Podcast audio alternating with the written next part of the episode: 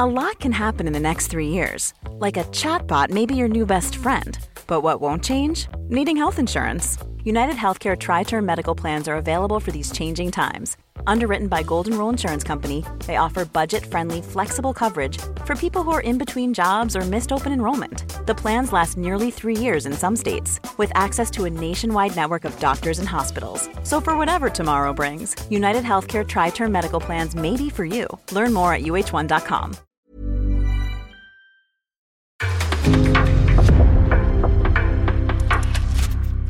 En podcast från Aftonbladet.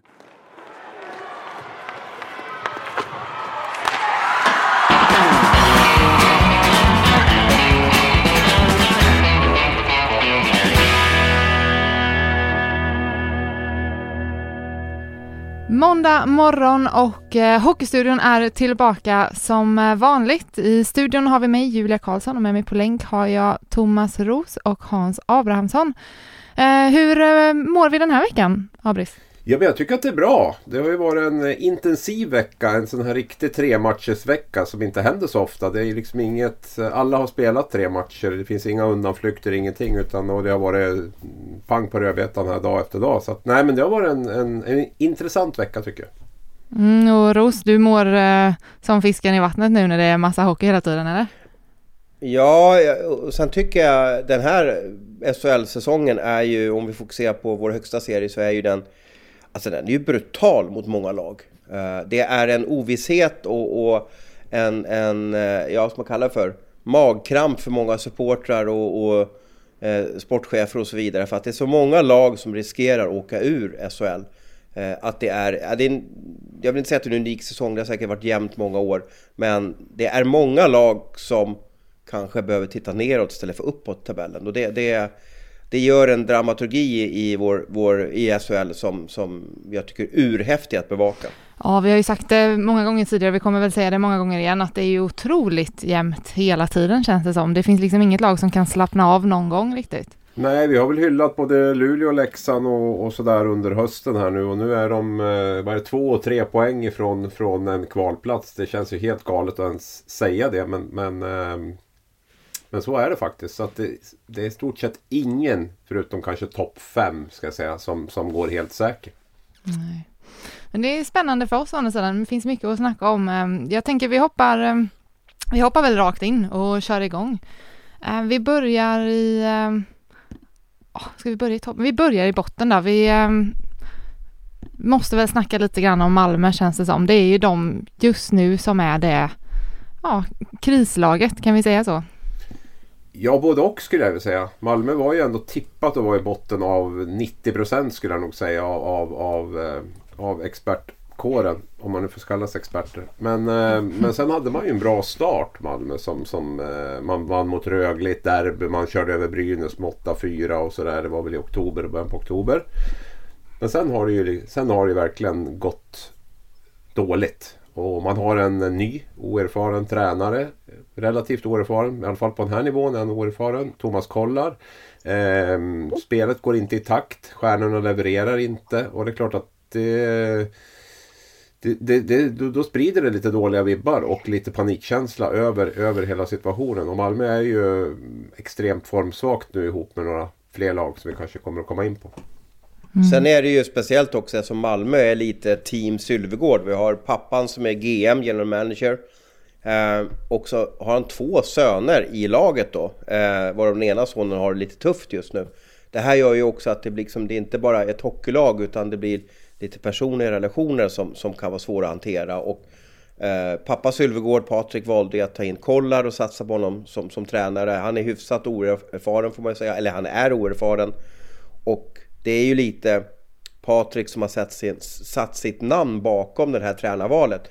Så det ska bli intressant att se om, om Patrik lyckas ta bort, eller tvingas kanske uppifrån ta bort Kollar. Men då kanske han ska sätta sin egen plats också till förfogande. Ja, och det är ju inte att Kollar har den här säsongen bara utan Kollar har ju fram till 2025. De skrev ett treårskontrakt med, med honom. Han hade ett år kvar ska vi säga på, på, som assisterande. Men det gjorde man om till huvudtränare och så förlängde man med ytterligare två år. Så att det är ju liksom ingen, det är ingen lätt pjäs att lösa om man nu bestämmer sig för det. Jag pratade med Patrik Sylvegård i veckan här och han var ju nu är vi luttrad Thomas, det, det, det, säger man ju alltid att man har 100% förtroende fram till, till man har 0% förtroende för, för en tränare. Men eh, han var väldigt bestämd med att det, det, är inte där det sitter. Han har ett otroligt eh, förtroende för Kollar. Det ska vara klart för oss också att eh, Sylvegård är den som anställde Kollar en gång i tiden. Han var ju spelare i Malmö och sen anställde han honom som juniortränare både på J18, sen J20 och så sportchef också tror jag på juniorsidan där. Så att han har ju verkligen, det har ju varit lite hans grabb. Eh, vid sidan av eh, Marcus och Emil då som är hans biologiska barn. Eh, så att eh, jag tror att eh, det ska väldigt mycket till om man flyttar honom på de, på de två anledningarna som jag nämner. Dels att han har ett väldigt långt kontrakt och sen eh, att den är, det är en Sylvegård-rekrytering. De, de, här långa, långa kontrakten kan man ju se från två olika håll det ger ju på något sätt en trygghet om man stakar ut en, en bana för en klubb. Det här hållet ska vi gå. Vi, vi gör som eh, Frölunda och Växjö när man har skrivit långa kontrakt med eh, Sam Hallam och, och Roger Rönnberg. Men det blir ju sjukt problematiskt, bland annat ur ekonomiska skäl, när det hackar fullständigt. Uh, som det gör i Malmö nu, för det blir en ganska dyr lösning att ha honom under avtal så här många år. Uh, och uh, och ja, ja, det blir ju inte bra. Det blir ju lurigare när man vet om att man kanske liksom ska betala miljoner till en hockeytränare och sen ta in en ny. Det, det, det blir, det, man kanske inte ens har råd med det. Nej och sen är det ju så Malmö har ju ett enkelt lag på papper. Det är ju inget, alltså det, det är ju ett lag som är tippat i botten som jag var inne på. Det gäller ju att de verkligen får ut maximalt av, av alla spelare och sitt, sitt eh, spel. Och det, det, får man inte just nu. Jag menar, Carl Söderberg har två poäng på de åtta senaste matcherna här när Malmö har eh, krisat i, i, i tabellen. Emil Sylvegård var du inne på, han har gjort en poäng under de här mm. Eh, mm. åtta matcherna och, och så vidare. Jag kan räkna upp flera där som, som, som underpresterar. Carl Söderberg är ju intressant. Tre mål senaste tio matcherna. Mm. Uh, har det bara tagit slut? Eller är det att, att åka runt ett bottenlag i SHL när man har spelat så många år i NHL? Att det, det kanske liksom... Han blir inte alls stimulerad av det hela. Det är ju något som skaver, det behöver vi inte vara fundera på. Jag hade ju känslan när han kom hem att han hade tankar på att eh, liksom, ha en roll i organisationen efter de här två åren. Um, kanske som sportchef, kanske som general manager eller någonting. Det, det, det var min känsla. Um, där är det ju ganska stängt nu också med, med, eh, med um, Björn Liljander som har kommit in då. Vi har ju Sylvegård kvar som klubbdirektör och så. Jag vet inte om han äh, tappat sugen lite grann kanske. Mm.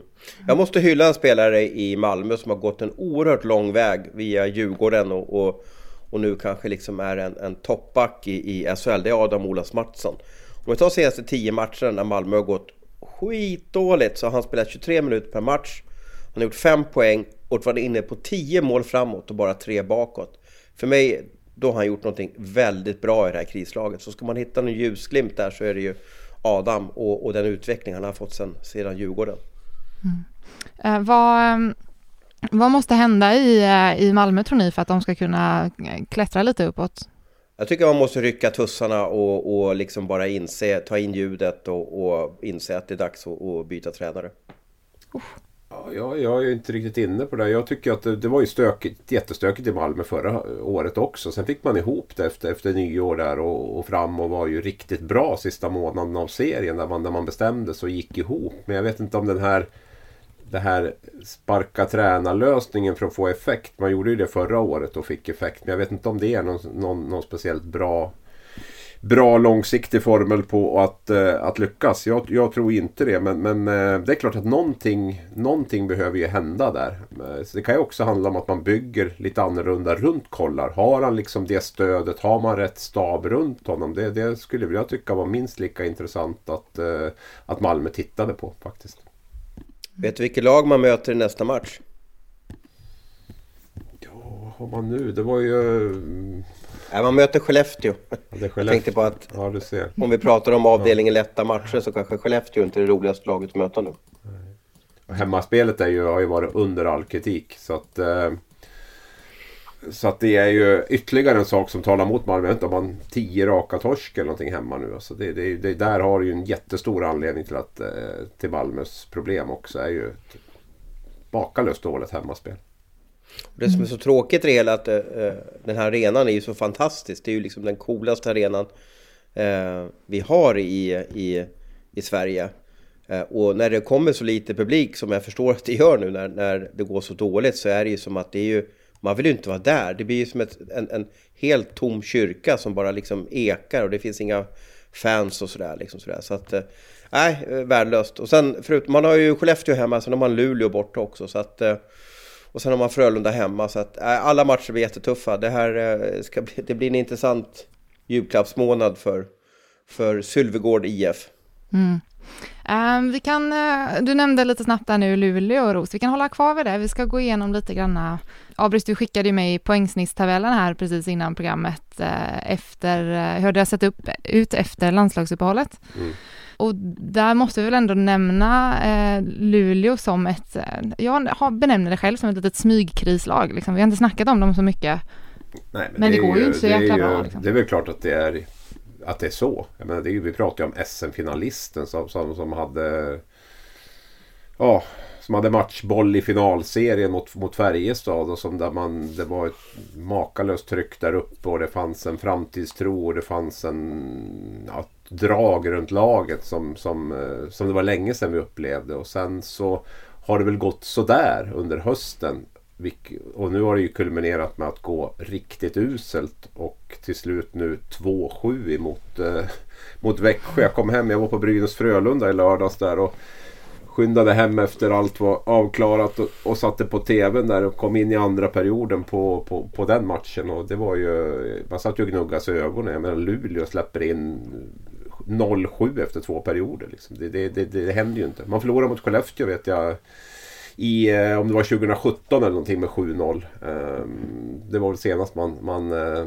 släppte in sju mål i alla fall. Så att, ehm, nej, jätte, jätteförvånande och ehm, ja, oroande naturligtvis om man håller på Luleå. Och eh, då ska man också veta att Växjö gjorde ju sju mål och bara ett mål i Eh, ett mål i powerplay. Eh, annars kan man ju liksom skylla på domaren att man hade otur med powerplay, men det kan man ju inte skylla på. Eh, och sen gjorde, släppte man in i andra perioden där. Man bytte ju ut Lassinantti i slut då. Man släppte in fem mål på elva skott.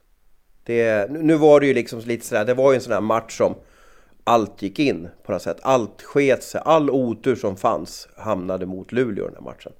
Mm. Men, men, det händer ju aldrig med Luleå egentligen. Det är ju det som Nej, är deras och det händer aldrig. Det händer inte hockeyn heller att man gör 5-0 på en period. Det, det, det, var länge sedan jag var med om det. Ja, och att det händer just mot Luleå. Det är ju ja, det är uh, dubbelunikt kan vi kalla det för kanske.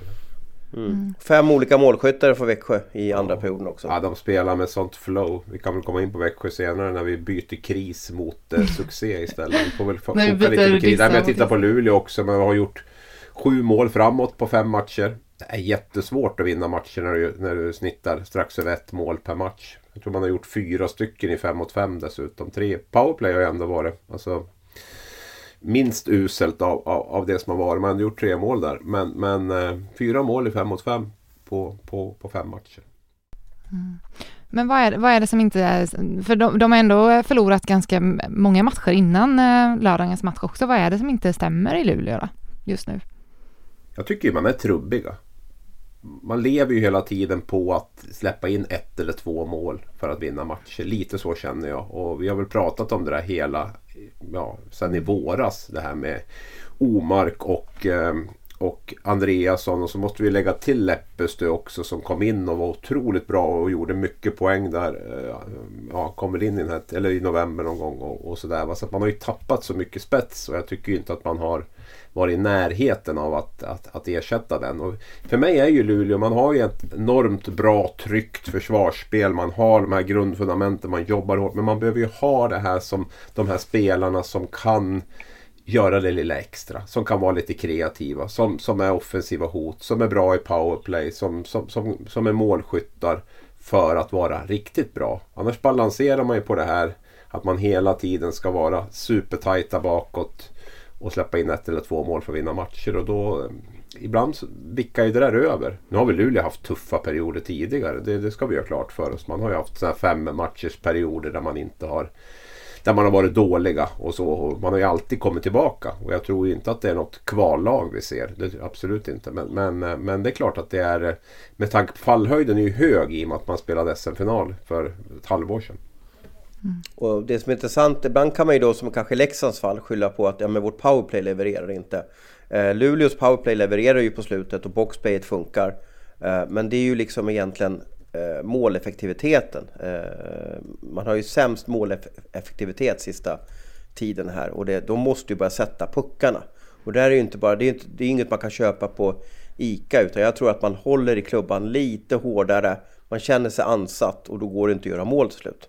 Men har det inte också lite med skicklighet att göra? För jag menar, jo, jo, en skicklig jo. spelare gör ju, gör ju fler mål. Än, en, en skicklig målskytt gör ju fler mål än, än, än en oskicklig. Ja. Så att det är Men man måste vara lite avslappnad, lite cool i det hela också. Man, man, är man stressad över situationen, ja, men då, då, då skjuter man en magplatta. Men kan man vara lite cool och, och liksom få att det är harmoni i laget, att, att Bulan bara inte gnäller utan det kan vara något garv där i periodpausen inför matchen. Då, då kanske det blir att man är lite, istället för att skjuta, väljer att göra en dragning eller eh, bara lägga skott på mål som blir en retur och sen att pucken går in på något sätt.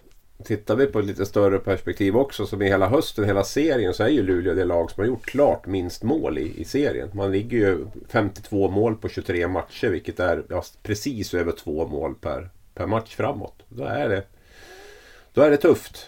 Eh, så näst sämsta lag är, är, Leksand då, vilket är, vilket är jäkligt märkligt. De är 58 då. Men det är ganska stort glapp också upp till, till, till näst sämsta lag som, som, eh, som eh, när det gäller antal mål gjorda framåt. Och det, det, det är ju där problemet ligger i min värld. Mm. Mm. Vi ska gå över till Leksand där, kan vi göra på en gång då? För Leksand är ju det lag som har gjort det största tappet, har rasat mest i tabellen efter landslagsuppehållet. De gick alltså, eh, poängsnittstabellen är vi på, eh, de gick alltså från en tredje plats innan landslagsuppehållet till att vara nere på en tolfte plats nu, alltså de har rasat igenom hela tabellen. Vad är det som sker i Leksand? Um, för det första så gjorde de exakt samma resa uh, förra säsongen, det vill säga att man gjorde en bra höst fram till Karla Tournament. Sen om man gjorde en tabell efter Kaila Tournament till omgång 52 så var man sämst i hela, eh, eller så är man sämst i hela SHL. Eller var sämst i hela SHL. Eh, nu börjar den här trenden komma tillbaka.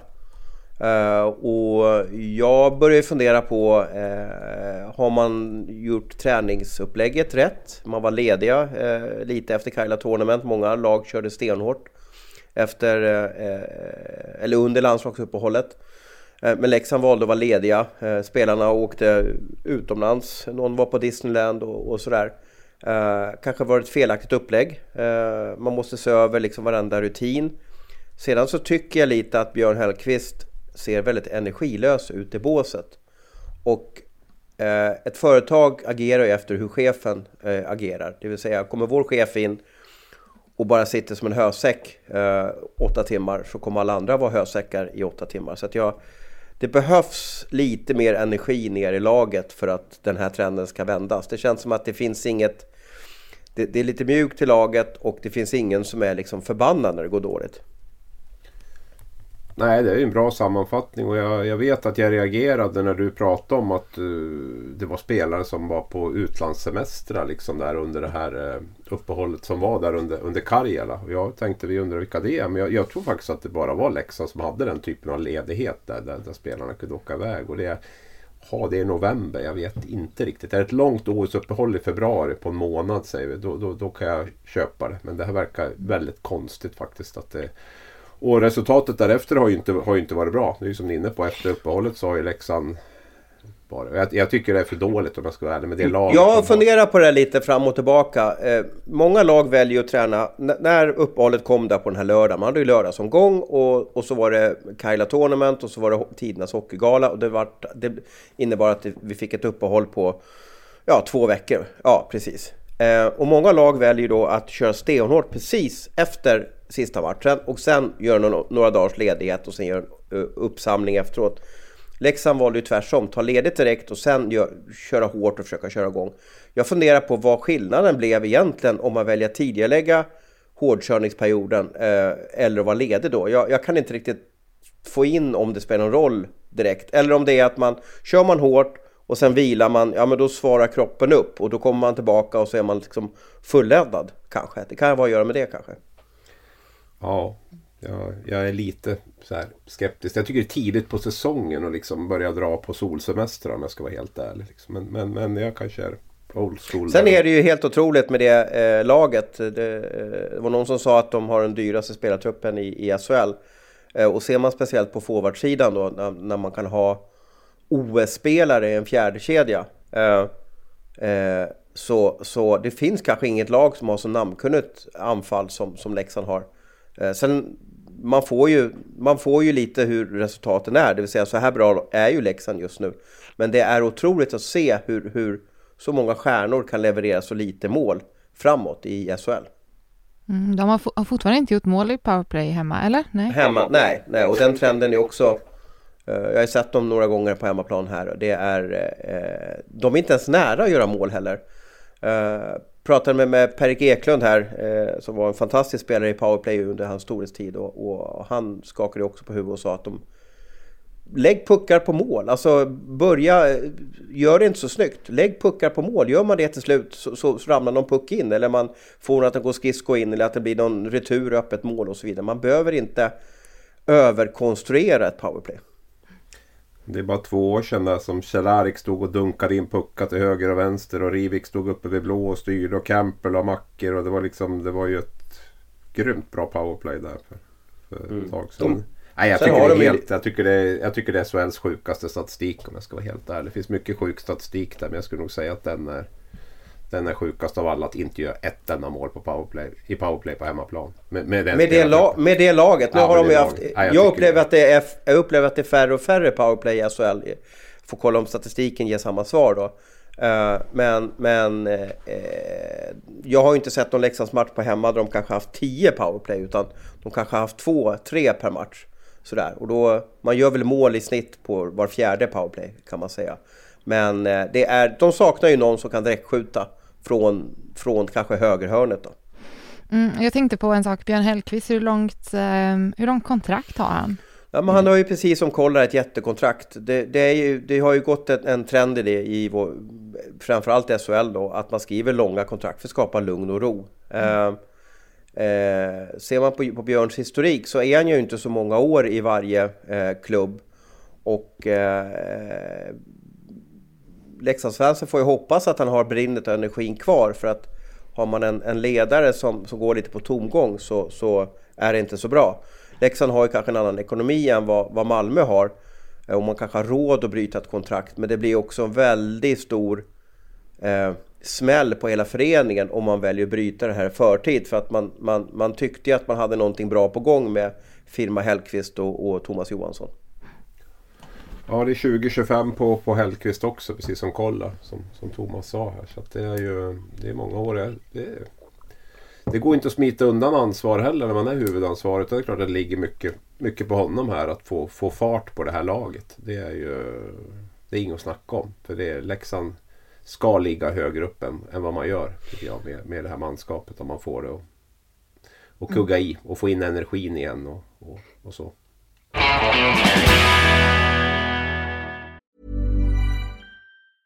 Quality sleep is essential for boosting energy, recovery, and well being. So, take your sleep to the next level with Sleep Number. With a Sleep Number smart bed, you can individualize your comfort level and enjoy a better sleep night after night. JD Power ranks Sleep Number number 1 in customer satisfaction with mattresses purchased in-store. And now the Queen Sleep Number C4 smart bed is only $1,599, a saving of $300, only for a limited time.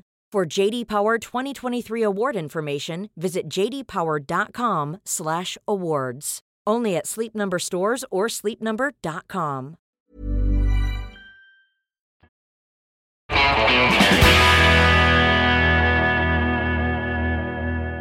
Mm, vi ska ta ett sista lag här i kris, eller kris nu blir det för mycket, i botten där innan vi går, um, går vidare lite grann och det är ju de som just nu i tabellen ligger i vanliga tabellen ligger på kvalplats. Som sagt, det går ju väldigt mycket upp och ner här hela tiden. Man kan gå från mitten till kval jättesnabbt. Men Brynäs, vi kan väl nämna någonting om, eh, om Brynäs innan vi går vidare. Ja, vi har pratat ganska lite Brynäs i podden i höst. Har vi inte gjort det eller? Är det jag som drömmer? Jo, De det har var ett de har tag sedan fått tror jag. smugit lite under radarn på något sätt känns det som. Mm. Nej men det är ju, det är ju, det är ju ett... Um, ska inte säga att det är full kris men det är krisigt kan jag säga. Eh, och det är väldigt oroligt här och eh, jag bor ju själv i Gävle så att jag känner väl av lite grann att det är... Eh, och det ser inte speciellt bra ut heller. Det är ju, man var ju på gång. Man hade två raka segrar efter landslagsuppehållet. Vann Malmö övertygande hemma. Vann tung bortamatch Färjestad. Och sen har man fem raka förluster efter det. Och, eh, stor del i det här är ju skadan på Johan Larsson. Han gick ju sönder mot Malmö. Fick en tackling av Oliver Lauritsen tror jag det var. Och eh, Sen har Brynäs fallit ihop som ett korthus där. Eh, och det, det, alltså skador kommer och går så man kan inte skylla på det. Man mötte Frölunda nu senast. Man hade Mursak, Lash och Borgman borta. Och så, så att många lag har ju varit utsatta för skador. Det, det, så det finns. Men i den här tunna truppen och på de ledande spelarna så, så klarar inte, har Brynäs inte klarat av att hantera det. Och det är ju...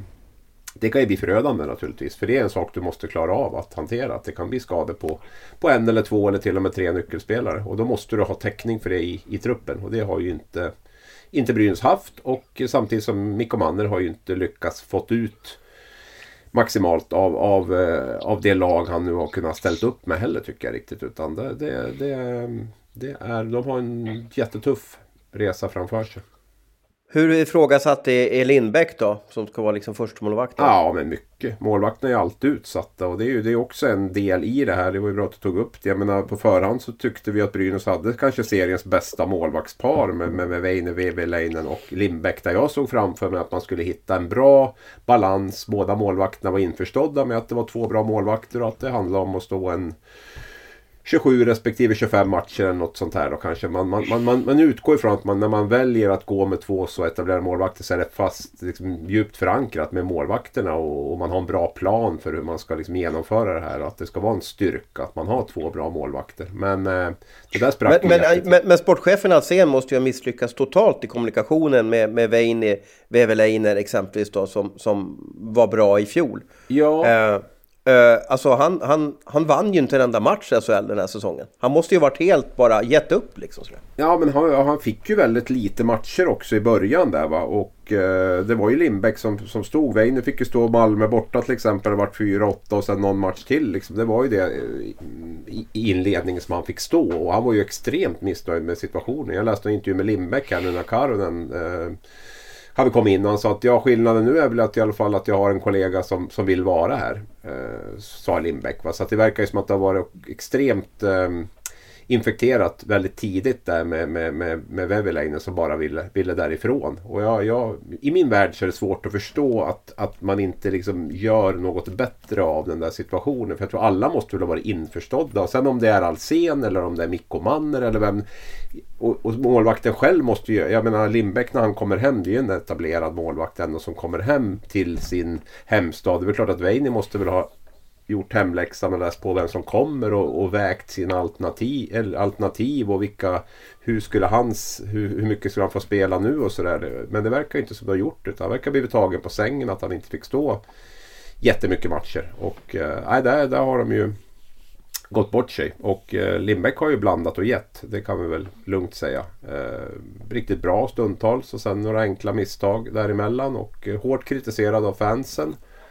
Har väl även varit kritik runt Johan Holmqvist, målvaktstränaren, som Brynäs valde att göra någon sån här halvmesyrlösning med eh, ekonomiskt. Så att han är väl bara med på, han är inte med på några bortamatcher och han är väl lite sådär, ja, trekvarts anställd känns det som, som, som målvaktstränare. Och det är väl också så här som man känner att, ja men eh, herregud liksom. Ni har seriens bästa målvaktspar på pappret och man, man satsar inte fullt ut på målvaktstränarsidan. Jag vet inte. Det, det är sånt där som man inte riktigt förstår när man är en eh, liten halvdan journalist som följer från sidan bara. Man tycker att det där borde kunna fungera bättre. Jag funderar på om det finns lite syndrom här i SHL. Eh, lite Carl Söderberg, eh, Anders Lindbäck, det vill säga att man varit utomlands många år. Lindbäck hade ju en jättefin karriär i Nordamerika och var i Davos och sen var han i KHL. Och så kommer man hem och att man liksom tappar suget på något sätt. va, Liksom. Att, att, det, att, att hockeyn inte blir lika rolig på sätt. Och man får skit på sociala medier och ja, du vet sådär att man, man blir lite uppgiven. Jag funderar på om, om, om det kan vara en, de här som hemvändarna när de inte orkar leverera. Nej, det finns väl naturligtvis en poäng i det du säger. Samtidigt så är det många som lyfter fram och det kan jag väl tycka också att det är jäkligt kul att spela inför familj och inför kompisar och, och ja, folk ifrån den hemstad man är ifrån. Så att det, det är ju, ser det på två sätt. Men det, det kanske hänger ihop också med att det går bra. För gör det inte det så, så är det ju som du är inne på att i, i Sverige är det ju mycket lättare att förstå för dem vad, vad som skrivs på både sociala medier och i tidningar och, och allt vad det är jämfört med vad det är utomlands. Det är klart att det är hårt tryck på en import. Om du spelar som svensk i, i utlandet så har du ju tryck på det. Men det är på ett annat sätt. Det kommer ju mycket närmare i det här med, med, med att du kan du förstår allt som skrivs och du, du möter liksom gamla kompisar, gamla lärare på ICA när du är där och handlar och gamla tränare kanske. Alltså det, det, det, blir ju mycket, mycket närmare och det är klart att när det går tungt så, så blir det väl lite av en ond spiral kan jag tänka mig att, eh, att vistas i, i den miljön. Vi går vidare lite grann till ehm, lag som eh, har börjat ta sig ur kristräsket efter landslagsuppehållet. Ehm, det är dags att, lämna det här miserabla och börja snacka lite positivt istället. De som ehm, jag tänker på mest är ju HV71, Rögle och Oskarshamn. Och vi kan börja med de som gjort största klättringen egentligen, som är HV. Vad är det som Ja, vad är det som funkar nu i HV som inte har gjort det innan och har de äntligen hittat lite lugn? Ja, jag kan, jag kan väl flyga. Jag är så förtjust i Fredrik Forsberg. Han får inte så mycket speltid, men han har en sån oerhört fantastisk förmåga att göra mål. Eh, det var ju han som sköt upp Hovet också till, till SHL här i, i våras. Han satte ju två mål i, i lördags här. Eh, hans förmåga att göra mål som aldrig slutar att fungera. Plus kanske, eh, jag såg ju HV i tisdags här, Hjalmarssons lugn eh, på isen tror jag hjälper laget väldigt mycket. Eh, Laledja LaLeggia levererar ju, det varit en klok värvning. Eh, och man har liksom vridit till det här så att man har blivit ett vinnande lag.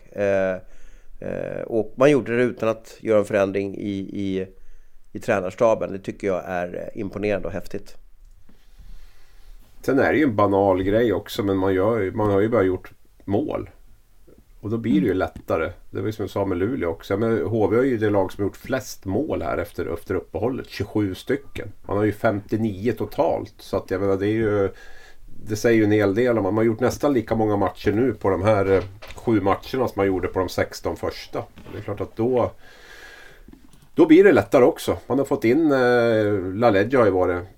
Ja, strålande för dem. Perfekt att få in också i det här laget. Sen tycker jag väl att HV mer och mer, man har hittat lite mer rätt i formationerna. Man har förstått lite mer vad, vad SHL-hockey handlar om. Man spelar med en annan intensitet tycker jag. Man är noggrannare i mycket av det man gör. Så att jag, jag skulle vilja säga, jag var inne på det, jag har sagt det tidigare, att man har två spelare som har spelat SHL-hockey förra säsongen i HV. Eh, när säsongen startade. Och, eh, det tyckte jag märktes. Och där har man blivit mycket, mycket bättre. Och eh, ja, det, det, det andas lite morgonluft där. Jag har framförallt fått, fått fart på effektiviteten också på ett annat sätt. Det var ju, spelade ju inte så här superdåligt egentligen fram till landslagsuppehållet. Men man var ju otroligt uddlöst. Och eh, det har man ju verkligen fått, fått ordning på. Så att där, eh, ja, det blir intressant att följa här hur de jag ska fylla i med Fredrik Forsberg också. Han har åtta forwards som har mer istid per match. Eh, Eh, Eh, men ändå har han gjort eh, eh, klart mest mål. Han har gjort 12 mål. Den som ligger tvåa i ligan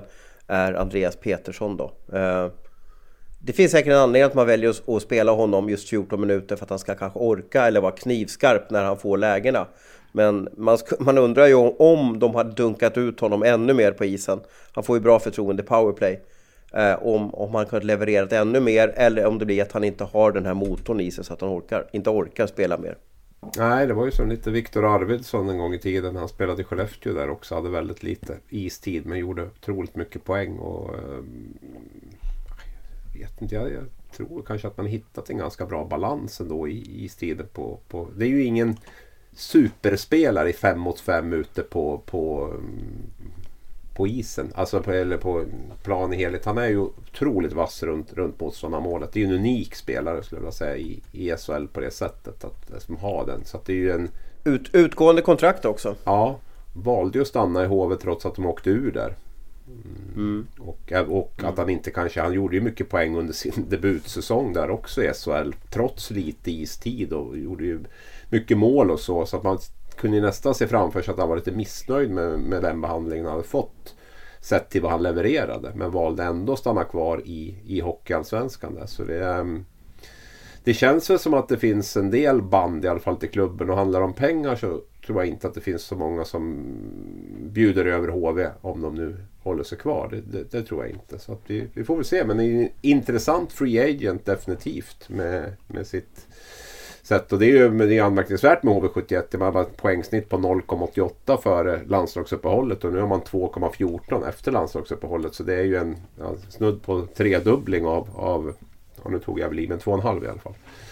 Uh, I poängsnitt. Och, och målskyttet som jag var inne på är ju... Så HV är väl den, det lag som har gjort den största positiva förvandlingen i alla fall här efter, efter uppehållet. Men, men mm. ändå, trots de här segrarna så, så just nu så eh, är man bara målskillnad från att spela negativt kval. Det är det som gör att den här SHL-tabellen i år är så otäck och br brutal för, för väldigt många hockeyfans. Ja, och det är ju som vi har varit inne på att du, du, du får ofta betala för en dålig start. Sen kan du ha en riktigt bra period där, där allt stämmer och du får poängen. Men, men, men du, du, har fortfarande det här minus som du har dragit på dig de 15 första matcherna. Det, det, det kan, det kan eh, hänga i väldigt länge faktiskt och ställa till det i slut... Ja, i, att man hamnar i kval på grund av att man ja, måste ha så högt poängsnitt från omgång 15 fram till 52. Det är tufft, tufft att hålla det över tid. Mm. Mm, vi går vidare till ett annat lag som har eh, gått bra sedan uppehållet, Rögle. Vi pratade väl ganska mycket om dem förra veckan, eller minns jag fel? Det är ju ett av de här lagen som... Vi pratar ju sällan om lag som på något sätt, hur ska man kalla det för? Vi kanske inte pratar så mycket Linköping för att nu, de ligger sjua i serien och det är liksom, ja men det, de är lite så här hur man förväntar sig. Vi kanske inte pratar Örebro, för de ligger sexa och de, nu har ju de rasat lite på slutet och, och deras form är ju inte bra. Och de har en intressant, liksom, eh, eh, om de ska förlänga med tränaren eller inte där. Men, men Rögle var ju ett förväntat topplag och just nu så levererar... De vann ju Skånederbyt och då tror jag att det blir oerhört lugn och ro. Vinner man Skånederbyt då kan man andas ut lite som i Stockholmsfotbollen där. Eh, men, men ser man till hela säsongen så ser det ju inte så bra ut. De har ju, de har ett lag som, som inte är lika bra som man trodde inför säsongen och de är ju ute och tokjagar nyförvärv med, med stora sedelbuntar. Eh, så att det kommer ju komma in någon typ av kvalitet framöver. Mm. Ja, jag har ju varit inne, jag säger lite med Rögle. Jag såg dem mot Färjestad här i torsdags måste det ha varit. Och det var väl en av de bättre matcher jag sett med Rögle. Då tycker jag de var klart bättre. Och jag, jag fortsätter upprepa som en liten papegojare. Men deras hemmaspel är ju bra.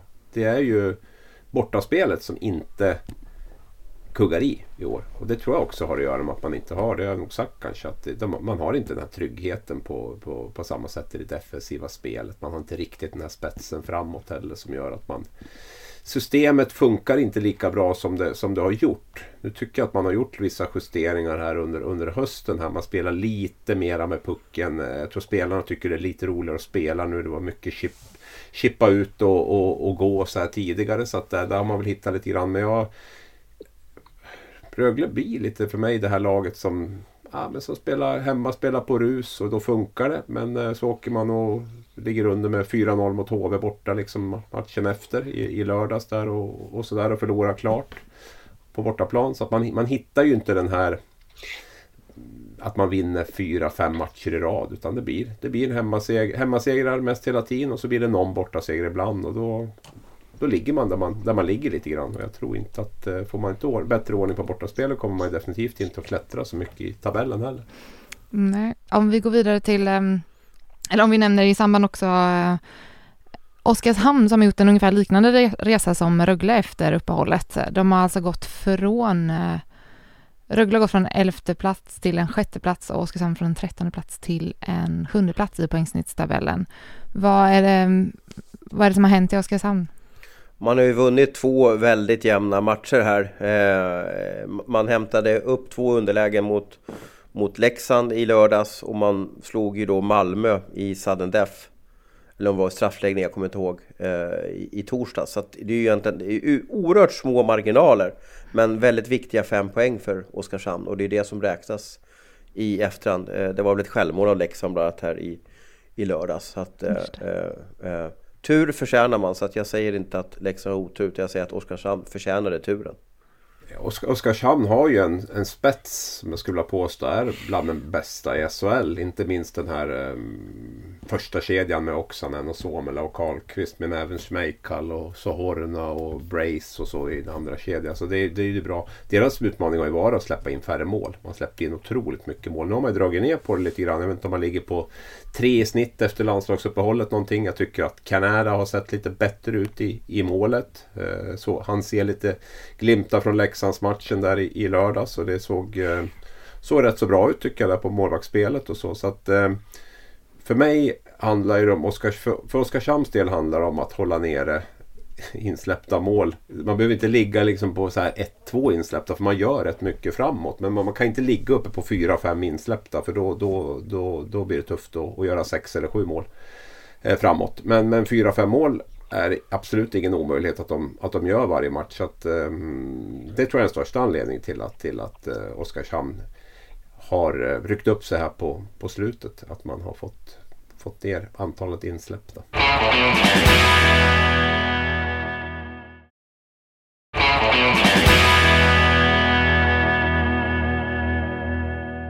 Vilket av eh, lagen, om vi säger HV, Rögle, eh, Oskarshamn, vilket tror ni kommer kunna undvika Kommer de kunna hålla sig kvar och undvika kval? Så för mig är väl Rögle, kommer ju, tror jag kommer att klara sig. Definitivt utan att undvika kval. HV och Oskarshamn tror jag väl kommer att få ändå vara med där nere. Det är ganska tufft att undvika att vara där nere om man säger så. Det är ganska bra lag du ska passera och sådär. Så att jag tror väl, om, om, om de tre så, så tror jag kanske att Rögle är det laget som ändå kommer att vara på säkrast mark av dem.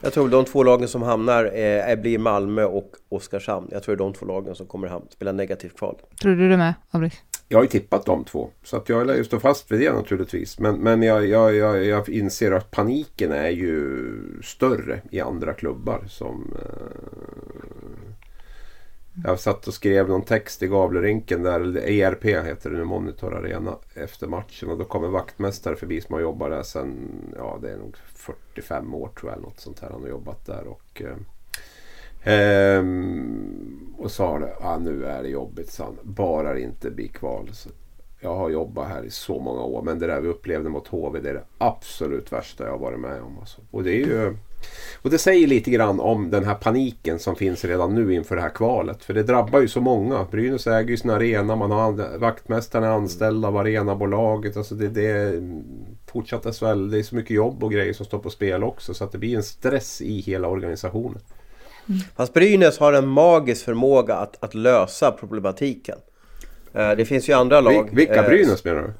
Ja, jag tänkte säga att, att de har en magisk förmåga att hamna, hamna i problematik. Ja men de ligger ju nära att åka ja. ur men de åker ju aldrig nej, ur. Så att säga. Nej det, är ju, det har du ju de kan, helt rätt. De kan liksom spela upp sig till plats 12 på sista omgången och de kan mm. ha jätteras men om man klarar sig och hamnar man i negativ kval, ja men då då löser man det. Då har man vunnit dem. Ja. Så att säga. Det, för mig har de en oerhörd förmåga att när det väl i de här sista matcherna behövs en vinst, ja men då, då får man en vinst. Då tar man in Boumedienne och Nils Ekman liksom, som ingen hade tänkt en tanke på. Så, och så löser men man det på ett sätt.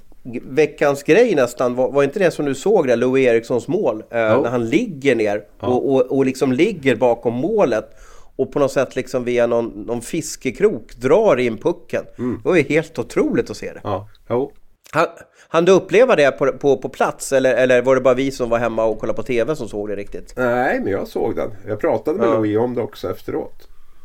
Ja, det var lite Ovechkin, kommer du ihåg när Ovechkin låg ner på isen och mm. drog in pucken? Ja, men det, det var lite samma, kanske, är det samma lite, känsla. Ja, men alltså det är lite sådär NHL-vibbar över ett sånt där mål. Då är det inte lite det där att... Eh, ja. ja.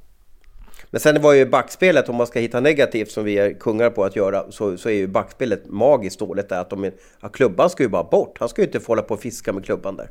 Men jag, jag tror de hade räknat bort honom när han låg bakom mål där. Jag tror inte de tänkte att sådana mål gör man inte liksom där. Han, han, han är out nu på något sätt. Så att, eh, ja, nej, men det, det, är, eh, det var ett klassmål, absolut.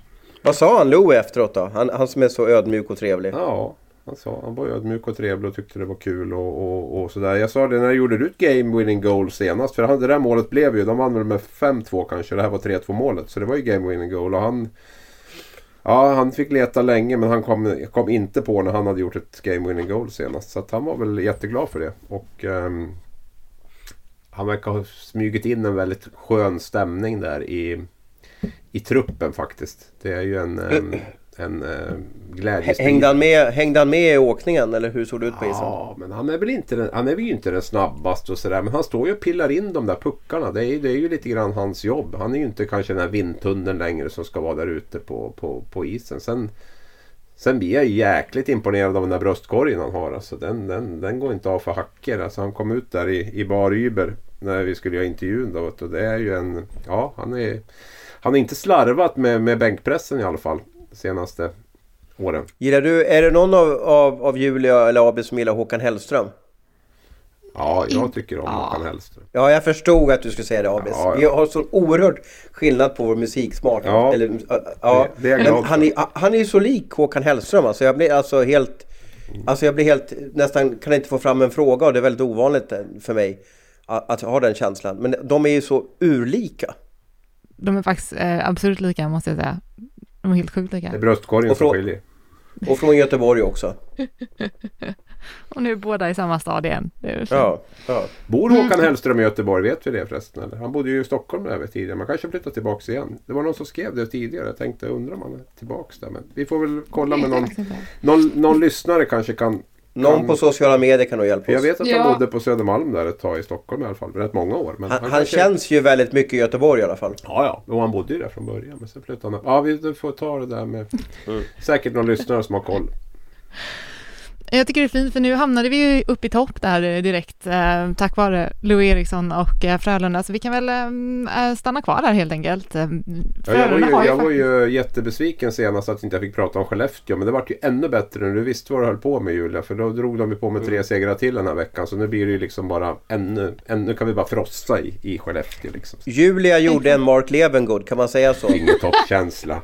Ja exakt, precis. Hon gjorde en mark. Ja. Hon sparade till Ja, hon gjorde en mark, hon visste att det skulle bli en superhyllning senare så att Ja. säga. Jag visste att Skellefteå skulle bara fortsätta gå Ja. bra. Alltså de är uppe på, jag har räknat till tio raka segrar, kan det stämma? Ja du är duktig att räkna. Det stämmer jättebra. Mm, det är ju faktiskt en, eh, en väldigt, väldigt imponerande siffra. Vill du dra igång en eh, hyllning på en gång, Abrit, eller? Ja, jag vet inte var jag ska börja kände jag nu. Men jag, jag har i alla fall hittat en spaning som jag tyckte var bra med Skellefteå. Som kanske kan förklara en, liksom en del i den här eh, i den här sviten. Nu kanske det har, jag har inte följt alla matcher, men det kanske har varit uppe på, på, på tv-sändningar när de, när de har sänt dem. Men, men deras boxplay är ju, är ju smått unikt faktiskt.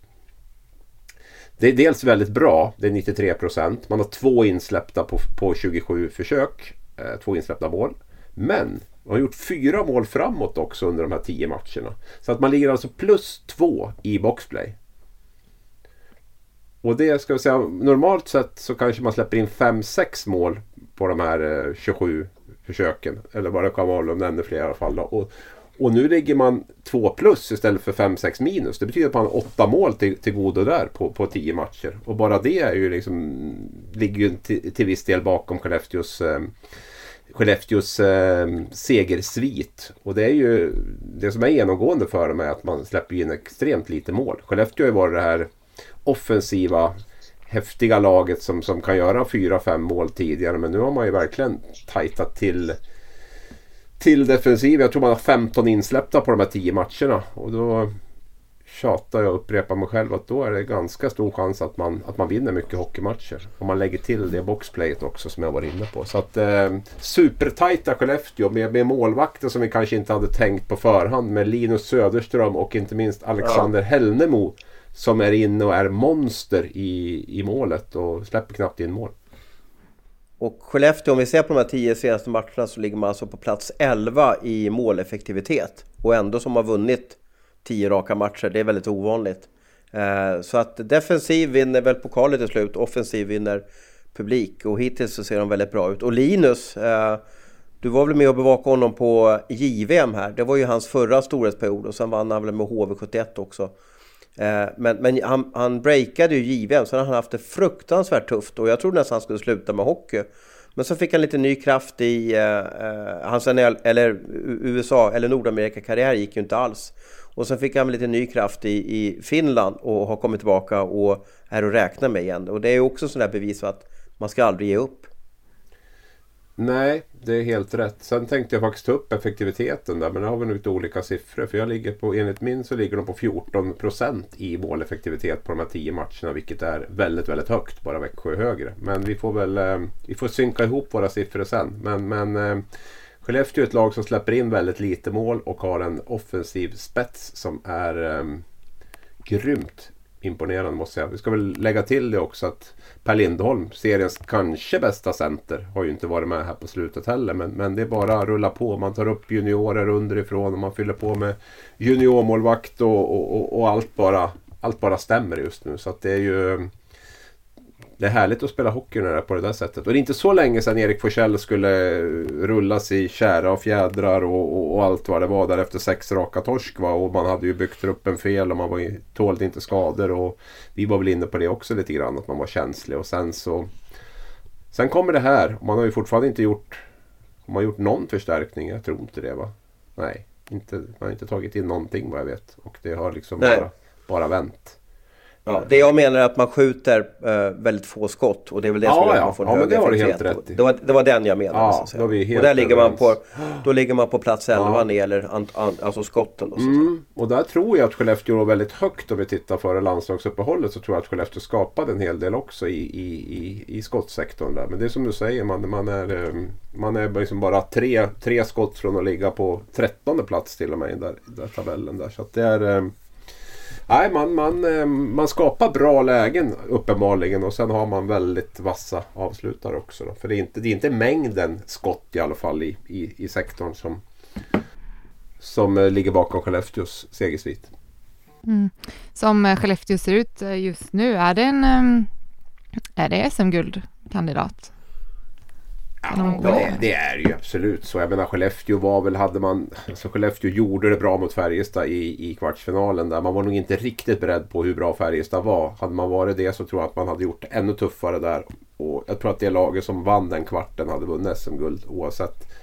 Och, så att Skellefteå var väl snudd på redo förra året och jag tror att man lärde sig väldigt mycket under, under förra årets eh, slutspel också. Där. Så det, det, är klart att det är en en, en het kandidat. Så jag tror inte att man är helt färdig heller med truppen. Jag tror att man till exempel letar en, en back till. Eh, och, och, och, jag tror också att man känner att får man in rätt pusselbitar nu så, eh, så är det riktigt het guldkänsla där uppe. Och det tror jag nog att man man vill vara med och, och, och, verkligen slåss om det. Och då tror jag inte man kommer att, att falla på att man har en för tunn trupp när man går in i alla fall i, i slutskedet av, av, av serien. Men nu har man ju köpt så mycket tid med det här och kan liksom vänta in rätt namn och behöver inte handla i panik utan kan verkligen liksom vänta in att rätt namn kommer. Men jag bara tänkte på hur, hur den här serien, jag, jag pratar ju använder ordet brutal och grym och konstig och så vidare så att säga då. Men, men eh, Skellefteå då som hade så jag måste sitta och räkna hur många matcher i rad de hade utan, utan seger här.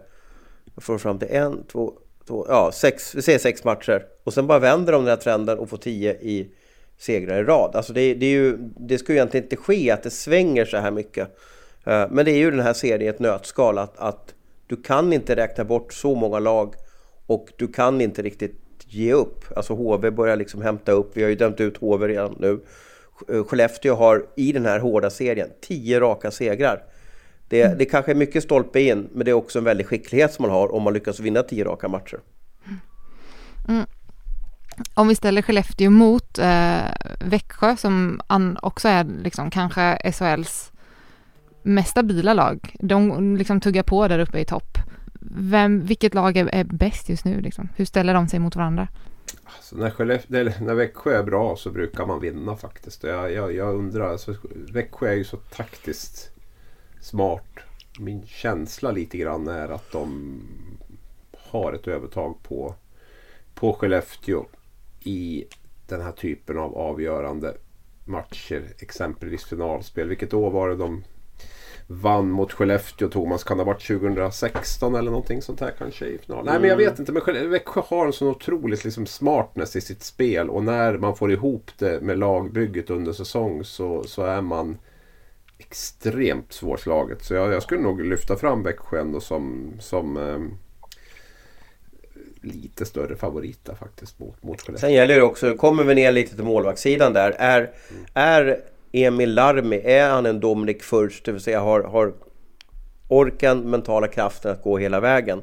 Linus Söderström har ju gått hela vägen.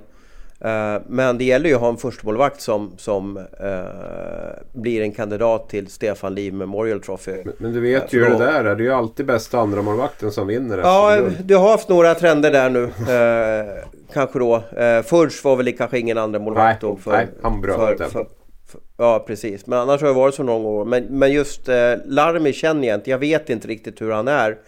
Eh, det, Leksand hade ju en målvakt som hette Janne Juvonen. Och där sa de väl, jag tror det var till dig de sa det, dina finska kontakter, att nej, men han kan inte vinna en, en viktig match i ett kvalspel eller slutspel. Och det var ju så. Leksand vann ju aldrig någon slutspelsmatch med honom. Jag skulle väl vilja säga i så fall också att eh, jag tycker att eh, Oskar, eller Växjö har ju faktiskt Adam Åhman också. Jag tycker de har lyckats med det här som vi pratade om med, med, med, som Brynäs misslyckades med. Att, att, att liksom matcha in de här två på ett bra sätt. Så jag tycker att Växjö har ett starkt målvaktspar. Men det bygger ju i första hand på, det hade jag nog inte sagt före säsongen. Det ska jag vara ärlig och erkänna att, att de inte har. Men de, de har varit jättebra tycker jag båda två. Och naturligtvis haft en enorm hjälp av ett eh, bra försvarsspel. Och där Växjö har mycket puck också. Där, och det är ju svårt för motståndare att göra mål när man har mycket puck. Och deras backsida, Växjö, den hyllade vi på förhand och den har väl varit bättre till och med än vad, än vad vi med våra största superlativer drog till med inför säsongen. Det är ju en, eh, det är en fröjd att se dem, se dem spela med Joel Persson och Lukas Bengtsson och Brian Cooper och, och eh, Mika Koivisto och, och, och så vidare. Och eh, dessutom har man ju hittat en riktig en riktig superkedja nu också sen, eh, sen Kalle Kossila kom tillbaka där efter sin lite komplicerade, komplicerade skada. Och eh, jag fick nästan ont i, i, lite ont i magen av när du sa det där Julia, för då började jag direkt tänka, som, som jag tänker på mitt sätt, att oj, en finalserie mellan Skellefteå och Växjö. Åh herregud vilka jobbiga resor det där kommer bli eh, eh, för oss Abris. Är, nog den, är inte det den värsta mardrömsresan som finns? Att ta sig mellan Växjö och Skellefteå? Jo, det är nog eh, Skellefteå-Färjestad. Skellefteå-Färjestad är ju också lite så halvknepigt och sådär. Nej men det är, det, är- det är, vi ska inte, det är, nog, det är nog den värsta rese, Ja, det resevägen. går, men går ju är inte, ju det går väldigt det går inte åka... Ja, det går ju inte, det går ju inte att åka tåg från Växjö. va?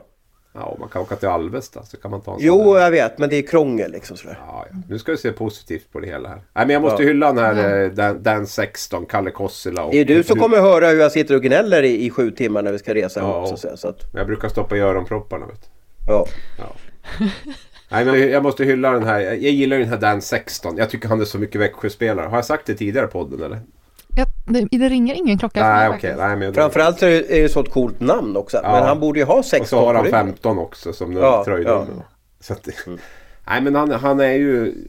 Ja, kul. Det är ju, det är ju lite åt Robert Rosén hållet på något sätt. Liksom. Det, det går inte superfort. Men han är högerfattad, han är jätteskicklig och han... Eh, ja det är en supervärvning. Han har ju Kossela också har ju gjort dundersuccé. Jag vet inte, han nio, må, nio poäng eller vad det är på, på sex matcher där efter uppehållet.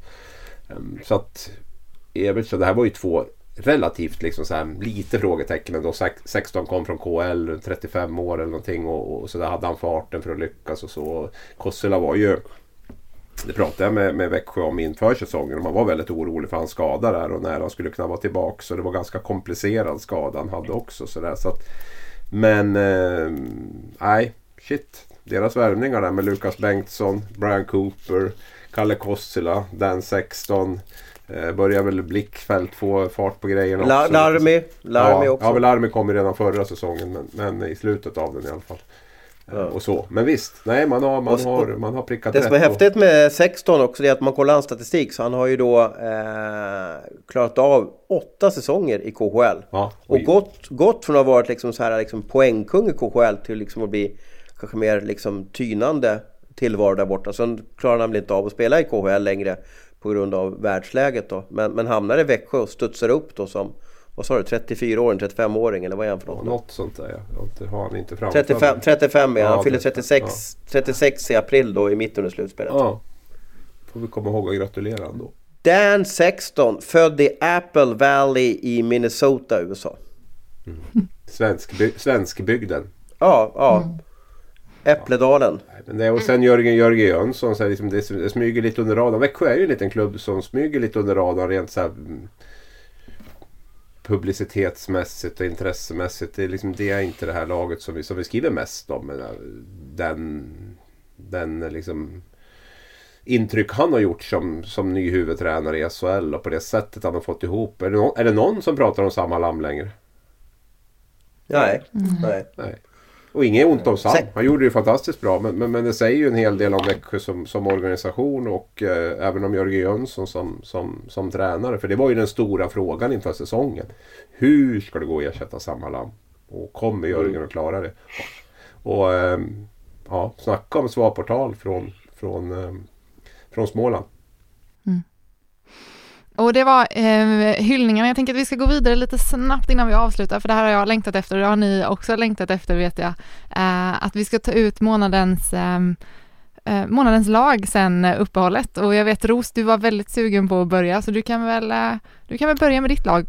Ja men det funkar ju så här att jag, kan, jag tror att vi har tagit ut kanske alltså samma namn. Fem, ja, 50% av laget blir ungefär samma namn. Jag hoppas att det inte är så att vi på något sätt är lite oliktänkande. Men, men tyvärr så är journalister och experter lite enkelspåriga och, och sådär. Och det är så tråkigt då om Abris har dragit alla namn och så ska jag säga ja jag har ju också det och jag har också det. Ja du vet det blir ju ingen, det blir ingen action då så att säga. Så därför tänkte jag då, då är jag fräck nog att börja då. Eh, som målvakt så valde jag mellan Linus Söderström och Lasse Johansson och valde Lasse Johansson i Frölunda. Eh, backpar Joel Persson, eh, Växjö, Joey LaLeggia, HV71. Eh, tycker de levererar poäng och är spelskickliga och fantastiskt roliga att se. Eh, det är absolut inga sargutbackar. Eh, framåt så tog jag, och nu har jag bara tänkt anfallare, jag har inte satt ett C eller, eller vänster eller höger forward på dem, utan jag sätter ihop Kossela, Micke Lindqvist och Jonte Dahlén. Jonte Dahlén får vara med här för att han gör snygga mål hela tiden och, eh, han har en offensiv och han levererar också i SHL nu äntligen. Det var ju lite frågetecken för det, för därför hamnar han med i mitt lag. Punkt slut. Snabbt, smidigt, konkret. Ja, jag många lika hade vi? Jag kör repeat på målvakterna då. Det var samma två det stod mellan och jag valde Lasse Johansson till slut. Eh, LaLeggia har jag också med. Det intryck han har gjort, de poäng han har gjort sedan han kom till HV har ju varit guld värt på den här marknaden som är så skral att få in honom. Det är ju ja, högsta vinsten. Valde Lukas Bengtsson istället för Joel Persson. Smaksak där, en Växjöback. Högerfattad Växjöback båda två. Eh, men jag tycker Lukas är ett, ja, men han är så otroligt gedigen i defensiva spelet också. Plus att han har den offensiva uppsidan. Så han får väl vinna där i konkurrens med, med Joel. Har inte heller tänkt något eh, center. Det gick inte att tänka så för jag hade, jag hade tre centrar egentligen på mina, på mina eh, kedjeplatser. Och det är Kalle Kossela som jag tycker har gjort det dunderbra sedan han kom in. Antti Suomela är ju...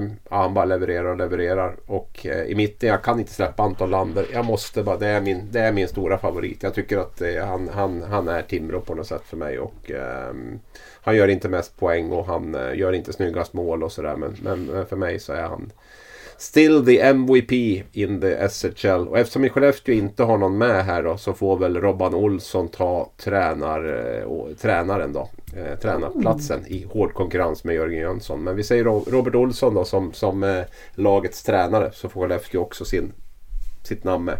Ros, instämmer du på tränarpositionen där? Eller hade du tagit någon annan? Ja, nej, alltså det är, väl, det är ju topplagen. Det är deras tränare som, som ska vara med här. Eh, och då är det väl just nu Rönnberg, Robert Olsson och Jörgen Jönsson. De- Det är de det står mellan. Eh, Robban Olsson tycker jag är så roligt för han blev ju...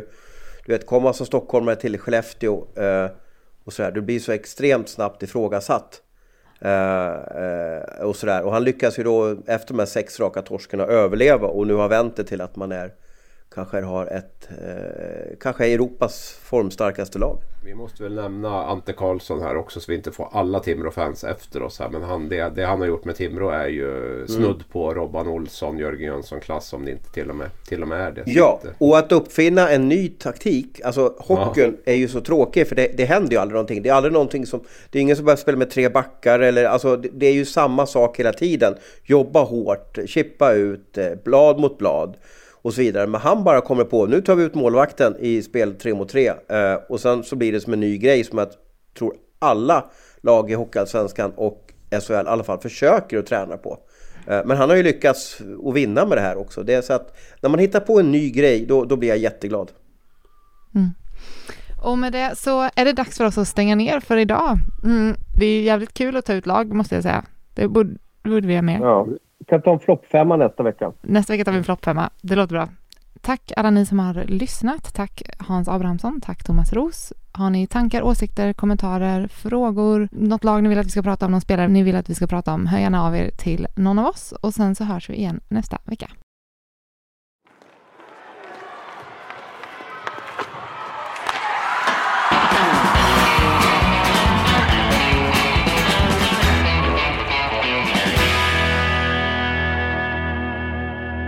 Du har lyssnat på en podcast från Aftonbladet. Ansvarig utgivare är Lena K Samuelsson.